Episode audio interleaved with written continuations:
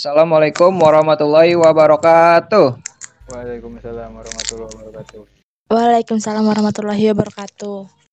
Selamat datang kembali di Fat Talk. Selamat datang di season 2 di sesi bedah film dengan pemandunya gue kali ini di episode 8. Di episode ini kita bakal bahas film cukup lama tahun 94 dengan judul Shawshank Redemption. Gue ditemani dengan dua rekan gue, Iya. Alam seperti dan biasa. Dewi, Halo semuanya. tidak lain dan tidak bukan. Eh, gue bakal bacain dulu sinopsis beserta pemeran-pemeran yang ada di film tersebut. Jadi film Shawshank Redemption ditayangkan tahun 94. Film ini diangkat dari novel berjudul Rita Hayworth and Shawshank Redemption yang dibuat oleh Stephen King dan film ini disutradarai oleh Frank Darabont dan diperankan oleh Tim Robin dan Morgan Freeman. Sinopsisnya adalah mengambil latar tahun 1940-an, film ini menceritakan tentang kisah seorang bankir bernama Andy Dufresne yang diperankan oleh Tim Robbins yang menjadi terdakwa dari kasus pembunuhan istrinya. Meskipun ia bersikeras tidak melakukan pembunuhan tersebut, akibatnya Andy harus dipenjara selama 20 tahun di rumah tahanan Shawshank State. Pada awalnya Andy sangat pendiam dan tidak pernah berkomunikasi dengan para tahanan di penjara. Ia pun beberapa kali dianiaya oleh tahanan lain dan geng kawanan pemerkosa penjara yang dijuluki The Sisters. Andy mulai kesal dengan semua hal yang terjadi padanya, hingga ia pun merencanakan sesuatu dan meminta beberapa barang pada Alice Boyd Red Redding yang diperankan oleh Morgan Freeman, seorang tahanan penjara yang bisa membawa barang apa pun dari luar penjara. Ia akhirnya meminta beberapa permintaan yang menurut Red terkesan unik, seperti palu dan poster Rita Hayworth. Red sering kali hanya tertawa mendengar permintaan Andy yang cukup unik. Namun, Red tak pernah gagal untuk mendapatkan barang-barang yang diminta Andy. Suatu ketika Andy ditugaskan di perpustakaan penjara bersama seorang tahanan senior bernama Brooks yang sudah hampir 50 tahun di tahanan penjara tersebut. Tugasnya di perpustakaan membawanya pada pekerjaan yang tidak ia bayangkan dalam sebuah penjara. Namun sebuah barang-barang yang ia minta dari Red serta posisi yang ia dapatkan di perpustakaan penjara membawanya ke sebuah misi melarikan diri dari penjara. Berhasilkan dia? Nah, jadi gitu teman-teman eh, sinopsis dari film tersebut. Dan sebelum teman-teman mendengar lebih jauh, kita beritahu dulu eh, bedah film ini akan mengandung spoiler alert, akan mengandung spoiler yang major ya, yang besar. Jadi buat teman-teman yang ingin menonton filmnya dulu, silakan di pause dulu dan tonton filmnya, baru habis itu balik lagi ke sini. Jadi gimana nih buat kalian teman-teman film tersebut? Film 94, kita aja belum lahir ya. Iya, saya belum lahir. Belum lahir. Ya, kita dulu, Lam. Gimana, belum Lam? lahir. Em, filmnya kan durasinya cukup panjang ya. Berapa sih dua jam dua jam sekian kan? Hampir tiga jam ya? Iya, Dua jam setengah. Dua jam setengah ya? 140 menit. Iya. Tadinya waktu awal gue tahu film ini, gue pikir ini adalah film yang membosankan gitu kan. Terus latarnya juga di penjara doang gitu. Tapi ternyata setelah nonton enjoyable banget. Jadi gimana ya? Bukan film yang membangun ketegangan dari awal gitu. Nggak nggak tega- ketegangannya tuh nggak ada sebenarnya. Jadi benar-benar film yang bisa ditonton kayak habis pulang orang pulang kerja gitu capek misalnya nonton mau film malamnya pas banget buat orang-orang yang kayak gitu seperti itu Kalau Iya, lu gimana, sama. Dew? Sama sih. Ngerasa eh, belum setengah jam perjalanan nonton film kayak ngerasa biasa aja. Masih menunggu karena ini kan ini tuh pakai eh, tokoh eh sudut pandang orang kedua ya? Ketiga. ketiga. Oh iya ketiga. Iya ketiga jadinya. Eh gue masih penasaran apa yang bakal dilakuin si Andy ini. Gue pikir hanya pas si yang kebunuh itu siapa sih namanya? Yang dibunuh ditembak. Gue bakal muda. iya gue bakal gue pikir bakal cuma sebatas sampai itu aja. Terus pas terakhirnya endingnya wow juga jadi setengah perjalanan setengah jam lebih tuh baru keluar tuh apa-apanya baru tahu nih sisi Andy tuh kayak gimana Iya sih di film ini yang durasinya 2 jam 20 menit emang pace-nya cukup lambat ya. Eh, pengenalan karakternya sangat perlahan-lahan gitu. Kayak baru Iya. sejam pertama tuh baru kayak benar-benar pengenalan karakter dan tujuan adanya si karakter ini. Nah, buat kalian sendiri karakternya gimana nih si Andy ini? kalau menurut gue karakternya gimana ya? Diam-diam menghanyutkan. Iya dia tuh bener-bener kayak yang eh udah muka-muka polos tapi otaknya tuh mikir mulu. Bikin apa bikin apa bikin apa.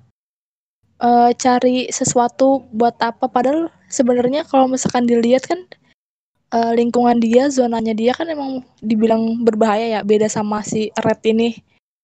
Nah dia tuh kayak yang masih dengan tampang kayak gitu bisa menyelesaikan masalah dengan baik menurut gua. Iya, Hmm, Kalau lu gimana Lam? jadi jadi apa ya orang yang kelihatan santai aja gitu. Masalah hidupnya kayaknya udah berat banget tapi masih "Ya udah santai aja lah gitu dijalanin. Nggak ada nggak ada nggak ada frustasi frustasinya kayaknya iya bener bayangin masuk Kalau bagi nggak nggak bersalah gitu Kalau bagi gue ini salah satu bentuk karakter yang gue sukain banget sih. Kalau nggak tahu ya kalau kalian. Karena eh, bagi gue sendiri karakter yang digambarkan jenius dan pendiam tuh eh, keren banget sih kalau menurut gue pribadi. Menurut kalian gimana? Apakah karakter yang gimana yang kalian suka tuh? Gue nggak pernah ada patokan sih buat bikin karakter. Kalau misalkan kayak Andy aja deh lu nggak perlu banyak omong nggak perlu banyak melakukan hal sesuatu tahu-tahu jeder gitu langsung bikin progresnya cepat gitu untuk melakukan untuk menghasilkan sebuah hal. Iya kayak dari awal tuh kita udah ngeliat ketika karakter Andy ini dibangun eh, apa namanya udah udah bakal tahu gitu eh, bakal sampai akhir tuh ini orang bakal bertahan maksudnya tahan banting gitu jadi kita nggak terlalu kasihan banget nggak gregetan gitu ngeliatnya Yang gue perhatiin banget nih Andy nih jago menarik minat orang lain biar bisa deket sama dia ya. Walaupun sependiam itu tapi kemampuannya buat bisa bikin orang lain butuh dia tuh jago banget sih. Dari situ gue sukanya tuh. iya iya iya dia di dia tipe apa sih namanya aduh istilahnya tuh kalau orang-orang kayak gitu humble humble nggak juga sih ya Nggak, Nggak nggak juga. humble tapi, dia humble tapi dia tahu tuh tahu bagaimana Tahu. caranya disukai bikin orang orang disukai, disukai orang gitu. dia nggak menunjukkan diri dia tapi dia eh, ngebuat orang tuh butuh dia gitu iya iya menurut gue bukti dari karakter dia gitu ya dari argumen gue tadi pas ada penggeledahan kamar kan terus dia kan Hmm. lagi baca kitab eh, agama dia gitu kitab suci dia dan menurut gue tujuan dia membaca itu adalah karena dia tahu kepala penjaranya tuh emang menyukai itu gitu jadi ketika dia sama-sama menyukai sama satu satu hal yang sama bakal ada kesenangan sendiri bagi lawannya gitu. Jadinya kan dia dibolehin masang poster tuh. iya pengecualian Iya. buat kamu lah gitu ya Heeh. Ih, gue baru inget kan waktu digeledah tuh nggak ada pakunya. Gue sempet sempet mikir kan ini eh paku palunya taruh di mana gitu. Pas di terakhir di Dibolongin. bukunya itu ada kertasnya bolong kan itu buat tempat palunya. Gue nggak kepikiran sampai situ. Gue pikir dia naruh di celana kali ya. Kalau buat karakter supporting aktrisnya eh supporting aktornya si Morgan Freeman alias Red menurut kalian gimana? Ya Morgan Freeman is Morgan Freeman kayaknya dia di film apa pun karakternya selalu begitu Emang udah legend banget ya. iya yang yang suportif banget buat buat buat si main karakternya terus jadi eh, apa ya bisa jadi jalan keluar buat eh, apa pemecahan masalahnya gitu Kalau buat alurnya sendiri gimana kalau buat kalian? Apakah menurut kalian 2 jam 20 menit bisa dipangkas jadi 2 jam? Menurut gua ada bagian yang bisa dipangkas sih. Sebenarnya bisa.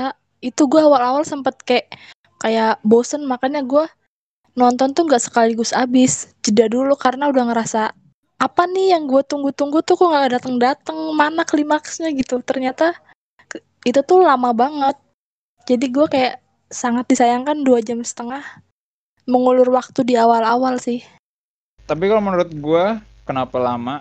Mereka tuh mau membangun suasana dalam penjara itu kayak gitu gitu loh. Kegiatannya boring gitu sebenarnya, gitu-gitu iya aja. sih iya juga. terus ditindas-tindas gitu ya Iya. Mm, Bagian pembentukan suasana penjaranya menurut gua eh, sempurna sih ya. Mulai dari petugasnya tuh acting-acting petugas penjaranya tuh emang beneran ya kayak gitu gitu. nggak ada yang jelek. Sama kayak eh, yang pas pembagian makanan juga makanannya ada belatungnya gitu. Iya maksudnya kita nggak pernah masuk penjara nih kita nggak tahu penjara itu gimana kan tapi Tap- kita tuh tapi dapat itu penjaranya termasuknya eh, lu satu kamar sendiri menurut gue tuh masih bisa Mana? dibilang enak sih lu bisa melakukan hobi lo ya kan Masih manusiawi lah ya sebenarnya penjaranya ya. masih manusiawi Nah, Hmm. kalau dari sisi film apa ya bukan sisi, tapi sisi ceritanya sendiri menurut gue film ini bakal long lasting sih. 10 tahun ke depan juga bakal masih ada yang nonton. Karena Iya. eh, tulang punggung dari film ini sendiri tuh di skenario-nya, bukan di pengambilan gambar, bukan di action, bukan di CGI-nya dan menurut gue film-film kayak gini bakal tahan lama sih. Akan ditonton terus-terusan. anyway yang nulis ini Stephen King ya Stephen King salah satu penulis legend, novel legend lah. Penulis It juga kan dia. It The Shining Hmm. apalagi sih kebanyakan sih horror sih kayaknya Kalau dari kalian apa yang kalian highlight dari film ini? ayo alam dulu Hmm?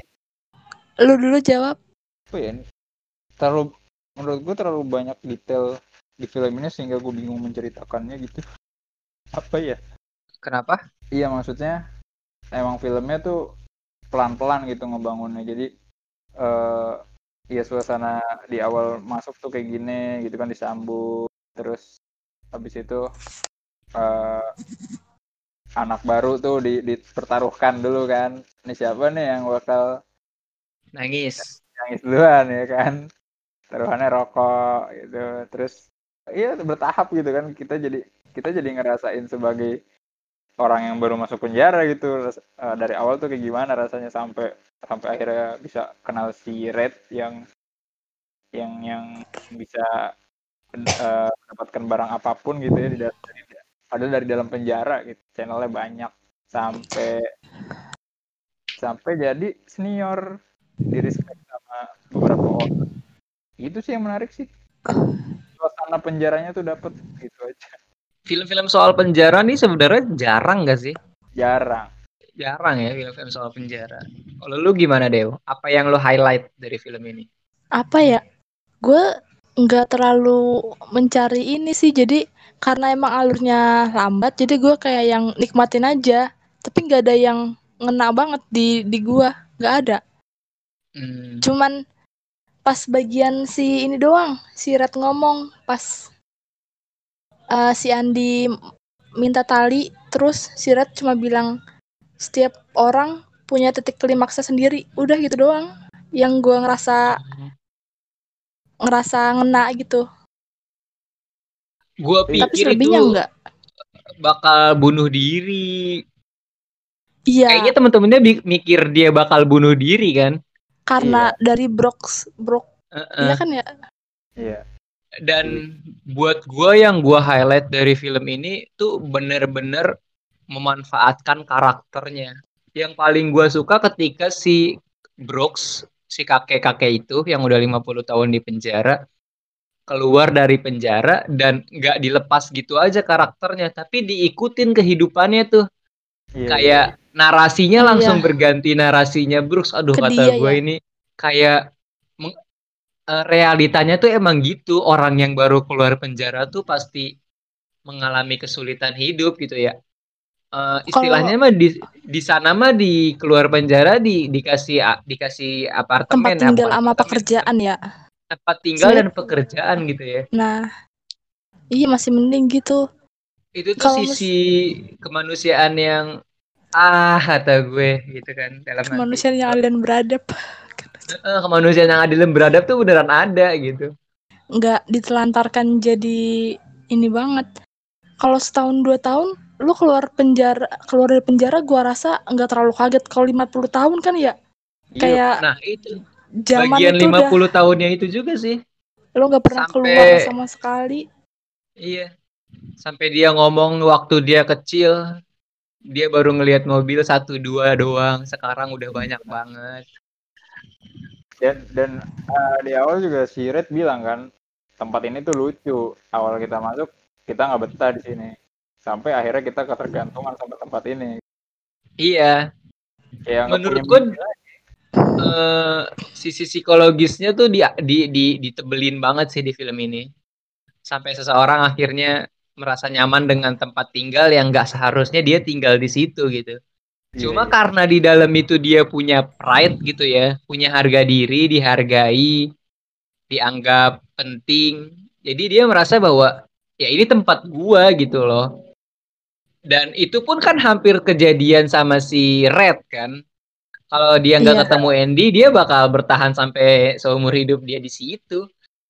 Iya, dia juga sempat mau ini lagi kan berusaha dia sempat mikir buat nyari masalah lagi biar masuk ke penjara lagi. Terus Iya. ingat Andy, akhirnya dia pergi jauh, mencoba buat pergi jauh. sama si Brock juga sebenarnya sempat mikir gitu apa gua gorok aja di kepala apa namanya kepala supermarketnya tuh kan si bosnya tapi enggak deh kayaknya gue udah ketuaan gitu nggak bisa Pengembangan karakternya luar biasa sih film ini gitu ya. Dari sisi itunya. bahkan Dan Apa? Di film ini nggak ada perempuan sama sekali ya sepanjang film di penjara. nggak ada cuma si istrinya doang udah Iya, di penjaranya juga nggak ada perempuan sama sekali sih itu di sangat apa emang penjara khusus lelaki? Ya? iya iyalah kayaknya Kalau kan, iya kalau kalau menurut gua, kalau misalkan ada perempuan itu lebih complicated lagi deh Permasalahannya. kayaknya bakal lebih dinamis ya. iya, iya. Apa kalau dari sisi kalian kekurangannya? Apa lam? oh iya terlalu menikmati gue sama film ini tuh benar-benar kekurangannya ketutup deh Kalau dibilang kekurangan, nggak nggak fatal banget gitu, nggak ngebuat boring yang eh bo- boring yang sampai nggak mau nonton lagi. Enggak, maksudnya eh kita nikmatin, cuma na- ya gitu doang. Terlalu lambat aja alurnya, tapi lambatnya dia bukan karena emang ngulur-ngulur permasalahan. Ada tahapan buat ke permasalahannya itu. Kalau dari gue ini kan ya yang gue bukan kekurangan sih sebenarnya cuma kayak bisa lah diperbaiki langsung saat itu juga mungkin kalau eh, sutradaranya ngeh gitu ya. Ini kan film dengan rentang waktu yang panjang ya. Sekitar 20 tahun lah ya. Iya. 20 Ah. sampai 25 tahun. Tapi pembentukan luar karakternya atau fisik karakternya ini enggak enggak terlalu kentara gitu. ya, iya. Iya sih. Ibaratnya kan si Red kan udah di penjara du- 40 tahun ya. Iya. Antara pas waktu masuk sama keluar tuh cuma beda di uban doang. Harusnya tuh dia udah kondisinya udah kayak si Brooks kan. Ka- Ibaratnya kalau dia udah 60 tahun, ya kalau dia di penjara umur 20, di penjara selama 40 tahun, ya harusnya udah secara look atau make up-nya berubah sih. Paling di itu doang sih. Kelemahan-kelemahan film dengan rentang waktu yang panjang. Iya iya, bahkan gue Iya suka suka nggak sadar ketika ketika ketika tiba-tiba dia bilang udah, wah kita udah misalnya udah 20 tahun nih di sini gitu. Ih, dari kapan gitu? Gue nggak bisa bedain gitu dari Iya, itu. ya kan, tiba-tiba udah, oh udah 20 tahun lama juga. Nggak ada ininya ya, nggak ada penunjuk waktunya ya, kecuali Ada, di iya, dalam kan. dialog. penunjuknya itu bata, eh, 10 tahunnya itu pas si Red ini masuk ke ruangan apa tuh yang tanyain Oh kamu sudah terrehabilit apa iya. ter. Rehabilitas terrehabilitasi gitu. Itu setiap Itu- 10 tahun sekali ya. iya 10 tahun sekali menunjukin waktu tapi tetap aja gitu nggak ngaruh. Rednya juga masih masih kelihatan seger banget. Andi aja itu jidatnya masih kinclong Andi. Kalau kalau di kalau dibandingkan dengan film Korea tuh biasanya film Korea ganti look ya, Deo ya. iya dia make upnya berani Eh, apa lam tadi lu mau ngomong apa? Iya, gua gua penasaran sama kelanjutannya si pembunuh yang aslinya tuh. Kayaknya nggak Oh dijelasin. iya. Cuma ya akhirnya kan si Andy-nya tahu karena karena si Jimmy itu kan. Jimmy kan namanya. ya. Nggak salah. Tommy eh Tommy ya, sorry. Tommy Tommy. apa? Iya, iya. Ya sih itulah si anak muda yang baru masuk. Dia bilang katanya, ya empat tahun lalu gue masuk penjara sama orang kata cerita pasangannya lagi selingkuh. Terus si suaminya ternyata kepala apa namanya sih itu apa sih? wakil direktur bank ya kan ya Iya. Terus yang dituduh malah si ini. Yang terbangnya itu. Terus diketawa kan. Udah habis itu gue kira pas endingnya keluar tuh dia mau balas dendam gitu ya nyari Sebenarnya kalau laporan si Andy diterima sama kepala penjara bisa jadi alternative ending ya. Iya bisa.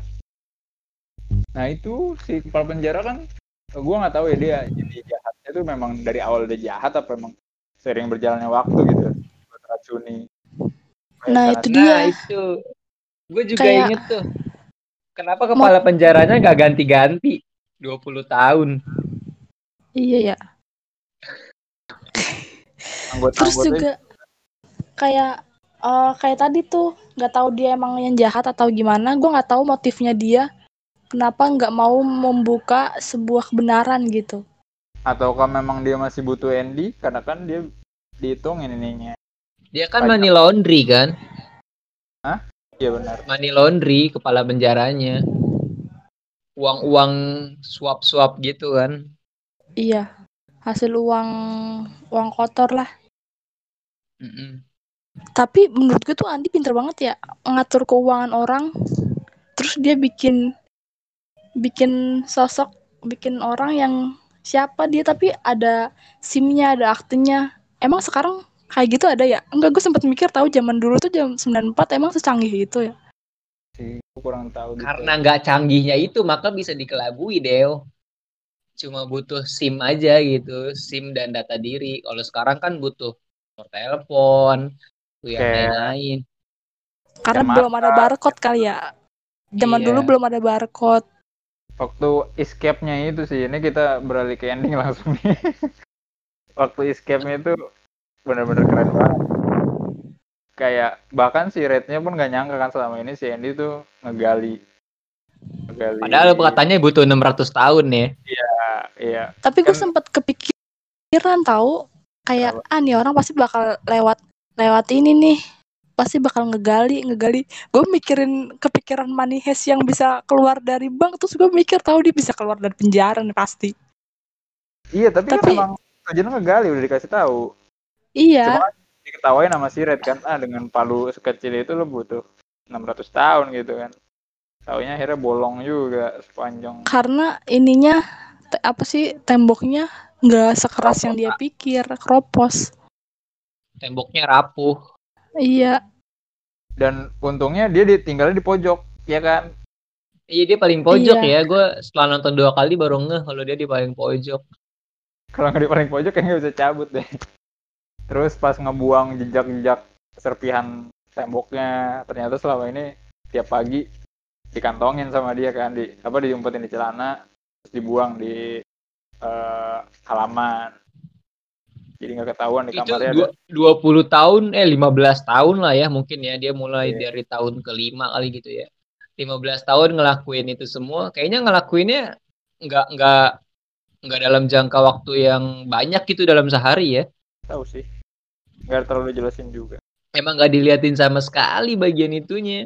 Jadi kayak emang mau ngasih surprise aja di, di akhir. Apalagi Dew, ada nggak Dew?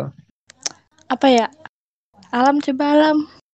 lempar lagi gue kan mikir lagi nih jadinya nih gue habis main sama Isa jadi udah energinya udah kayak habis gitu Emang lu beneran main berdua?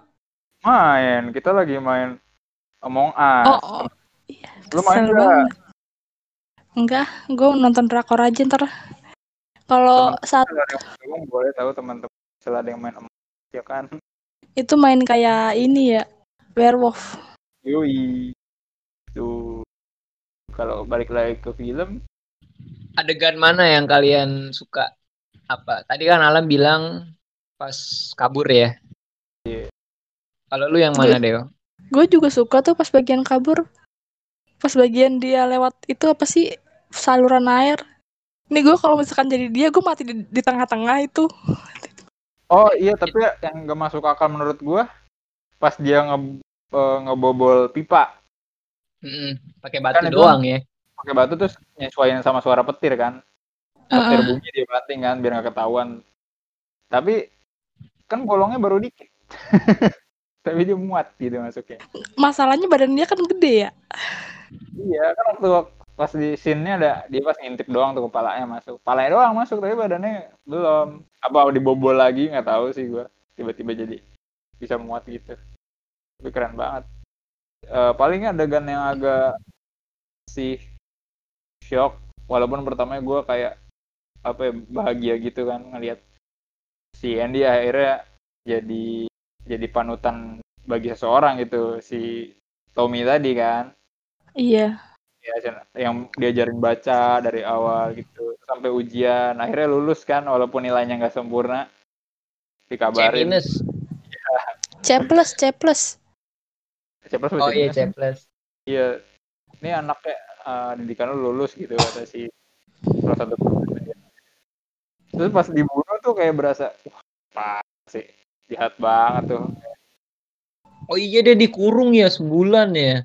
iya. Iya, Dua Oh, bulan iya, deh. baru- Dua bulan apa sebulan? eh, sebulan, terus Sebulan. pas sebulan, terus pas Oh, si sebulan ketua sipirnya ngancem Oh, sebulan iya. lagi, jadi dua bulan. sebulan lagi buat dia mikir gitu ya iya pas dibunuh itu wah bener-bener kena sih kayak gue pikir bakal bakal jadi eh, happy ending sama si Tommy juga gitu ternyata nggak berarti sampai di situ Bentar doang dia ya. Tapi Iya. dia tuh penting banget gitu perannya kalau nggak ada dia. iya Nggak ini. tahu sebenarnya Kan gue taunya film ini cuma sekedar pembobolan dari penjara ya. Gue pikir tuh seluruh napinya bobol penjara. Eh bukan seluruh sih, tapi Red and the Gang ya. iya iya Gue pikir itu dia bakal ngebobol penjara barengan ya, ternyata bukan. nah iya yang menarik di film ini sebenarnya gimmicknya ya itu gimmicknya tuh ngebobol penjara cuma yang kita Mm-mm. dapat ceritanya tuh beda maksudnya lebih dalam dari sekedar hidup eh, sekedar pengen kabur dari penjara aja gitu Kaburnya bukan cerita utama ya, tapi melebur di dalam penjaranya itu yang ini. Terus bagian mana lagi ya? sebentar bagian pas ketahuan sih itu udah kayak kepala penjaranya udah pasrah banget. Kan kalau misalkan dia di penjara dia bakal bareng si Red dan teman-teman. Bakal dibully Harga- habis dia. Harga dirinya jatuh itu cuy dari kepala penjara jadi narapidana. Nggak mau dong. Langsung jeter mati. Dari, daripada gua Bunuh hidup dengan eh, dengan kemalu yang malu sampai sampai mati kan mending gue mati dicepetin gitu. Semua ya, semua penjaga penjaranya hampir kena ya. Iya sama yang sering itu tuh apa sih Heeh. mentung-mentungin orang. The friends you're mine Apalagi nih kita. Eh, tapi di penjaranya ada bioskop dong. iya iya iya ada hiburan rakyat. Nah iya pinternya Andy juga dari situ kan dia milih poster itu poster dari eh eh, apa artis yang tampil di bioskop itu Mm-mm. jadi biar biar alasan aja gitu oh gue pengen punya poster ini gitu habis nonton dikira habis karena habis nonton dia jadi pengen punya poster itu padahal poster itu cuma buat nutupin doang Itu menurut gua nih ya, itu men- bisa dibilang penjara ternyaman sih. Maksudnya lu punya kamar sendiri, bisa eh, nonton bioskop, ada perpustakaan. Tapi emang ketika gua nonton ini lebih mirip pesantren sih. iya nggak sih bangun bangun bareng, tidur bareng, mandi bareng, makan bareng, melakukan aktivitas bareng. Cuma nggak ada khotbah doang ya. Iya, nggak belajar aja, cuma nggak belajar aja gitu. Belajar kalau pengen doang tuh kalau mereka mau belajar udah belajar di perpustakaan, kalau nggak mau mah ya udah. Ada yang nganterin buku, Dianterin buku, dong buku, coba. buku, buku, buku. Kapan lagi lu di penjara dianterin kita aja kuliah nih ya. Kampus nyamperin sendiri kan, kitanya nyari buku sendiri, nggak dianterin. terus ada sesi kayak tanda kutip eh, wisata keluar gitu kerja di luar Iya. Kalau kayaknya orang-orang di penjara itu tuh hidupnya lebih baik dari gua kalau dilihat-lihat gitu. Olahraga, olahraga, berkegiatan, berkegiatan. Kadang-kadang ya kita bangun tidur ya rebahan dulu, mereka mau bangun tidur ya udah langsung berkegiatan. Dan efeknya tuh ya yang bagusnya itu salah satu pengembangan karakternya juga ketika si Red udah keluar pas mau minta buang air kecil pun izin gitu. Saking udah 40 tahun di penjara udah jadi kebiasaan Kayak dia bilang kan pertama kalinya saya eh minta izin untuk buang air kecil dulu. kamu nggak perlu minta izin buat buang air kecil silakan aja gitu Jadi gue jadi keinget Ben tahu gak sih itu? Ben kalau makan di mana pak? izin komandan. kalau dari soundtrack mah enggak ya nggak terlalu ya soundtrack mah bahkan nggak ada kayaknya ya Iya sunyi-sunyi aja. Sunyi ya beneran sunyi gitu kayak penggambaran penjara itu sendiri sunyi. Eh, kan akhirnya si Andy tuh berjuang buat dapetin CD oh iya nyetel lagu ya? Digedein. Iya. jadi penjara gara-gara itu. Dia nah kayak itu tuh. hiburan buat teman-teman. Walaupun level kecerdasan dia di situ sih menurut gua kelihatan. Di situ kayak mulai berani dari banget. Enggak mulai dari dia mengambil hatinya si Red terus mengambil hati para penjaga penjara mengambil hati eh, Kepala kepala sipir. penjara terus mengambil hati seluruh narapidana di situ gila dari segi psikologi dia termasuk gifted nggak? Kenapa? Ya, kalau dari dari segi psikologi ini termasuk gifted nggak? Gifted, gifted. Gifted. Iya. Iya Gifted sih dia iya. bisa iya bisa dibilang Iya. gitu sih. Iya kan tekun gitu kan. Terus ya emang udah dari sononya begitu. Udah punya Iya. orang udah jadi jadi direktur juga kan Iya. Menarik sih film. Menarik ini menarik buat ditonton. emang lu disuruh bedah film ini lam Bukan. waktu Ini itu film dari kenapa siapa sih yang yang nyuruh ini? Lu kan Sal? Alam Gue udah nonton, gue nonton 2018 apa gue nonton juga udah rekomendasiin. Oh iya sih gue sering sering lihat gitu film-film yang terrekomendasikan sangat baik. Cuma gue belum pernah nonton. Bagus ternyata. Udah ada lagi nggak? Kalau nggak ada kita rating nih. Rating, rating, rating. Rating dari gue dulu dah ya. Gue 8 deh. Gue sangat suka ceritanya. Cuma ya ada sisi-sisi yang sebenarnya bisa bukan dari apa sih bisa diperbaiki lah. Kalau gua delapan setengah deh. Saya 9. Gila. Rata-rata, berarti rata-ratanya 8. Untuk film selanjutnya, kita udah bahas film drama udah ya. Drama Film udah. drama. Oh, Drama ini ini termasuk drama kan? Drama nggak sih masuknya? Action juga enggak. iya kali. Science fiction udah. Episode 1 kan science fiction. Episode 2 Iya. eh, Thriller. drama thriller. Nggak jelas itu. Episode three. Season 2. Itu lintas genre lah. Eh, gue mau nanya ini apa nih? Kenapa? Apa? iya itu kalau teman-teman tahu pembantunya yang ada di Parasite tinggalnya di mana kasih tahu ya. Kenapa emang? Epi- di episode lalu. Iya. Gue kayak nggak tahu kamar pembantunya di mana. Tuh. Oh iya. Episode selanjutnya mau nyoba horor gak? Ya. Gak kuat gua. Gak kuat gua. Ya, jangan jangan berarti jangan. Jangan. Ya udah nanti kita diskusikan lagi untuk episode selanjutnya. Kalau teman-teman mau merekomendasikan silakan kirim ke email kita, ada di deskripsi di bawah ya. Nah, sekian untuk episode kali ini. Kalau ada salah-salah kata atau salah-salah pendapat, eh, mohon maaf. Eh, gua akhiri.